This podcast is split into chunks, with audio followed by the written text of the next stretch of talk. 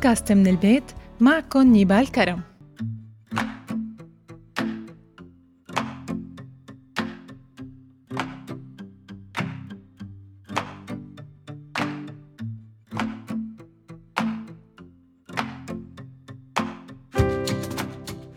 مرحبا شو رأيكم اليوم نتعرف على البودكاست بشكل عام؟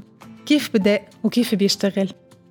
طيب قبل ما نبدأ خلونا نتعرف على كلمة البودكاست كمصطلح. البودكاست هو محتوى متواجد من 2003 وبينقسم اسمه لكلمتين.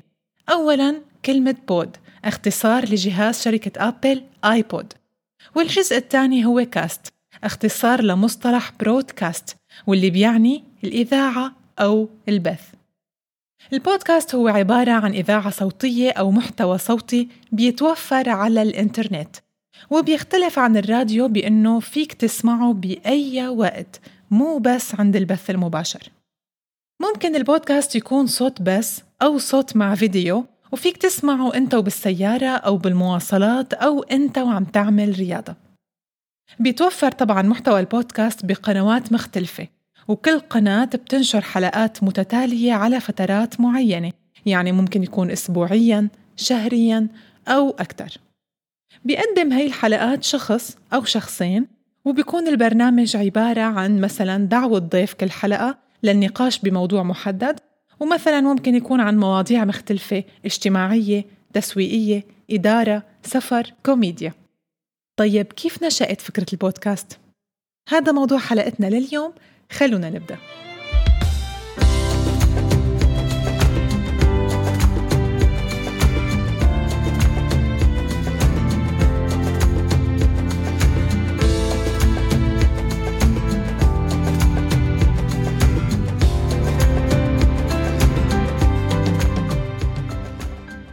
بيرجع الفضل لديف واينر لابتكار فكرة أتمتة عملية توصيل ومزامنة المحتوى لأجهزة تشغيل الموسيقى الرقمية. وأول تطبيق استعمل هي التقنية لبث الملفات الصوتية كان iPodderX كبديل لطرق البث التقليدية يلي هي الراديو والتلفزيون. ويعتبر برنامج The Backstage Pass أول قناة بودكاست على الإطلاق وأول حلقة نشرت كانت بأكتوبر 2003 وكان متخصص باستضافة كبار الموسيقيين العالميين. وبشهر يونيو 2005 أطلقت شركة أبل نسخة من برنامج iTunes وتضمن ميزات جديدة خاصة بالاشتراك والبحث والتحميل التلقائي لقنوات البودكاست ومزامنتها مع الأجهزة المحمولة. وهذا الشيء أضاف دفعة كتير قوية للبودكاست كوسيط رقمي للبث المسموع والمرئي عبر الإنترنت طيب السؤال هون كيف منستمع للبودكاست؟ فينا نستمع للبودكاست من خلال التطبيقات المتوفرة لكلا النظامين ال iOS وال Android مثل Apple Podcasts، Google Podcasts، في عنا ال SoundCloud وفي عنا كتير تطبيقات ممكن نسمع البودكاست عليها وما تكون مختصة بس بنشر حلقات البودكاست. وكمان بتتوفر مواقع مختلفة لصانعي البودكاست على الإنترنت. ومعلومة كتير مهمة. البودكاست صنع خصيصا ليناسب الحياة المليئة بالأنشطة. يعني فيك تحمل البرامج وتسمعها بأي وقت بناسبك. صبح ظهر المساء بأوقات الانتظار وغيرها.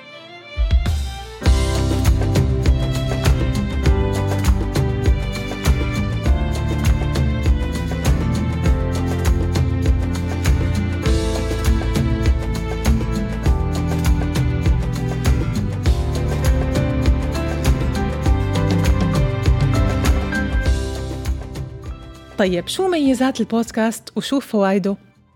لتطبيق البودكاست مميزات كتير يعني فيك تتعلم الكتير من خلاله وفيك تطرح نفسك وتعبر عن ذاتك أيضا من خلاله. وكمان فيك تستفيد من المواضيع يلي بيقدموها الناس التانيين. البودكاست بيتميز ب واحد سهولة الاستخدام.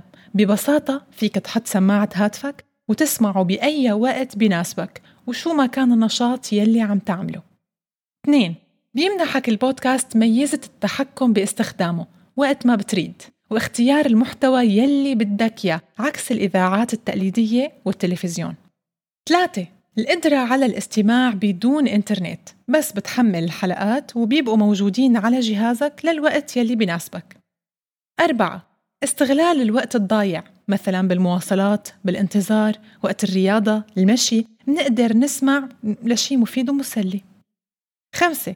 بتوصل الحلقة على موبايلك بإشعار معين يعني ما في داعي تدور على الحلقات بنفسك. وفي كمان ميزات تانية مثل سهولة إنشاء قناة بودكاست والبدء فيه. وطبعا تكلفة أقل بالتسويق ونشر البودكاست وإعادة استخدام الملف الصوتي اللي بتعمله بتنسيقات مختلفة مثل فيديو، مقالات أو غيرها. طيب عرفنا ميزات البودكاست. طيب شو فوائده؟ البودكاست هو واحد من البرامج الإلكترونية يلي عم تشهد اليوم انتشار كتير كبير ومتوقع أنها تنتشر أكثر بالفترة القادمة. اثنين فوائد البودكاست للأنشطة التجارية يعني مثل زيادة الثقة عند العملاء بعملك وبتقدر توصل لعملاء كتير مهمين. ثالث فايدة اكتساب مهارة الإلقاء والتواصل وفيك تحصل على مستمعين بأقل تكلفة ممكنة. أربعة فوايد كتيرة للمستمع من تعلم مهارات جديدة تنشيط معلومات الدماغ هي الفترة اعتمدنا كتير على الصور والفيديو وصرنا ما عاد نستحمل نسمع شي طويل. البودكاست بخلينا شوي نرجع ننشط ذاكرتنا نحرك حالنا بعد هذا الجمود. وأخيرا بعض البودكاست بتساعد على الاسترخاء والتفكر وبتوسع الآفاق الفكرية وهي وسيلة تثقيف شخصي.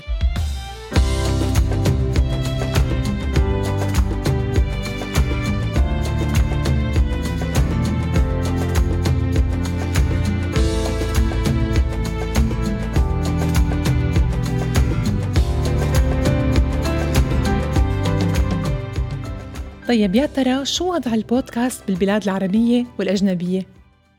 بينتشر البودكاست بالغرب وخاصة بالدولة يلي شهدت نشأة البودكاست وهي الولايات الأمريكية. ومنلاحظ أنه بيستمع أكثر من 124 مليون من تعداد سكانها للبودكاست.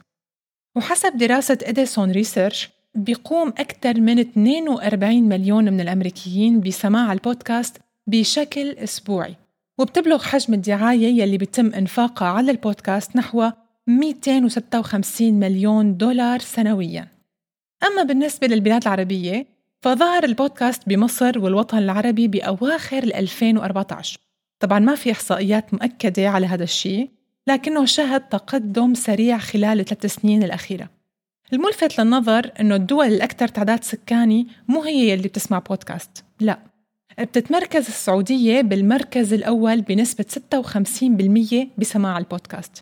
تليها عمان ب 14% وبعدها الإمارات ب 6% ومصر 5% طبعا 80% اليوم من مستمعي البودكاست هن من فئة الشباب من 18 ل 34 وهذا بيأكد أنه البودكاست بيئة خصبة لهي الفئة العمرية. ومثل ما قلت وذكرت قبل بأنه البودكاست اليوم عم يشهد تطور كتير كبير. وعم نشوف إنه في كتير ناس بدأت تعمل بودكاست الخاص وتقدم الموضوع أو تقدم مهنتها أو تقدم الشيء اللي هي بتفهم فيه وتتقنه تقدمه عن طريق البودكاست لأنه فعلا هو طريقة لحتى توصل للناس برأيك بإمكانيتك بصوتك بأسلوبك الحلو وبجهدك الخاص. البودكاست هو المستقبل وجميع المؤشرات بتدل على هذا الشيء. ومع مرور كل سنة منلاحظ بالاستطلاعات السنوية زيادة كبيرة بالوعي ونمو ضخم بهي الصناعة ككل هل بتحبوا تعرفوا أكثر عن البودكاست؟ شو خطوات عمله؟ كيف إنشاؤه؟ كيف منقدر نجيب الأفكار؟ كيف مننظم أفكارنا ومنطرحها ومنبدأ نأسس لقناتنا الخاصة؟ شاركوني رأيكم بتعليقاتكم أو على الخاص لحتى أقدر أعرف إذا إلكم اهتمام بهذا الموضوع وأقدر خصص حلقات أكثر عن البودكاست بشكل مفصل. بودكاست من البيت كنت معكم نيبال كرم للقاء قريب وحلقة جديدة. بشوفكن على خير يا رب. bye bye.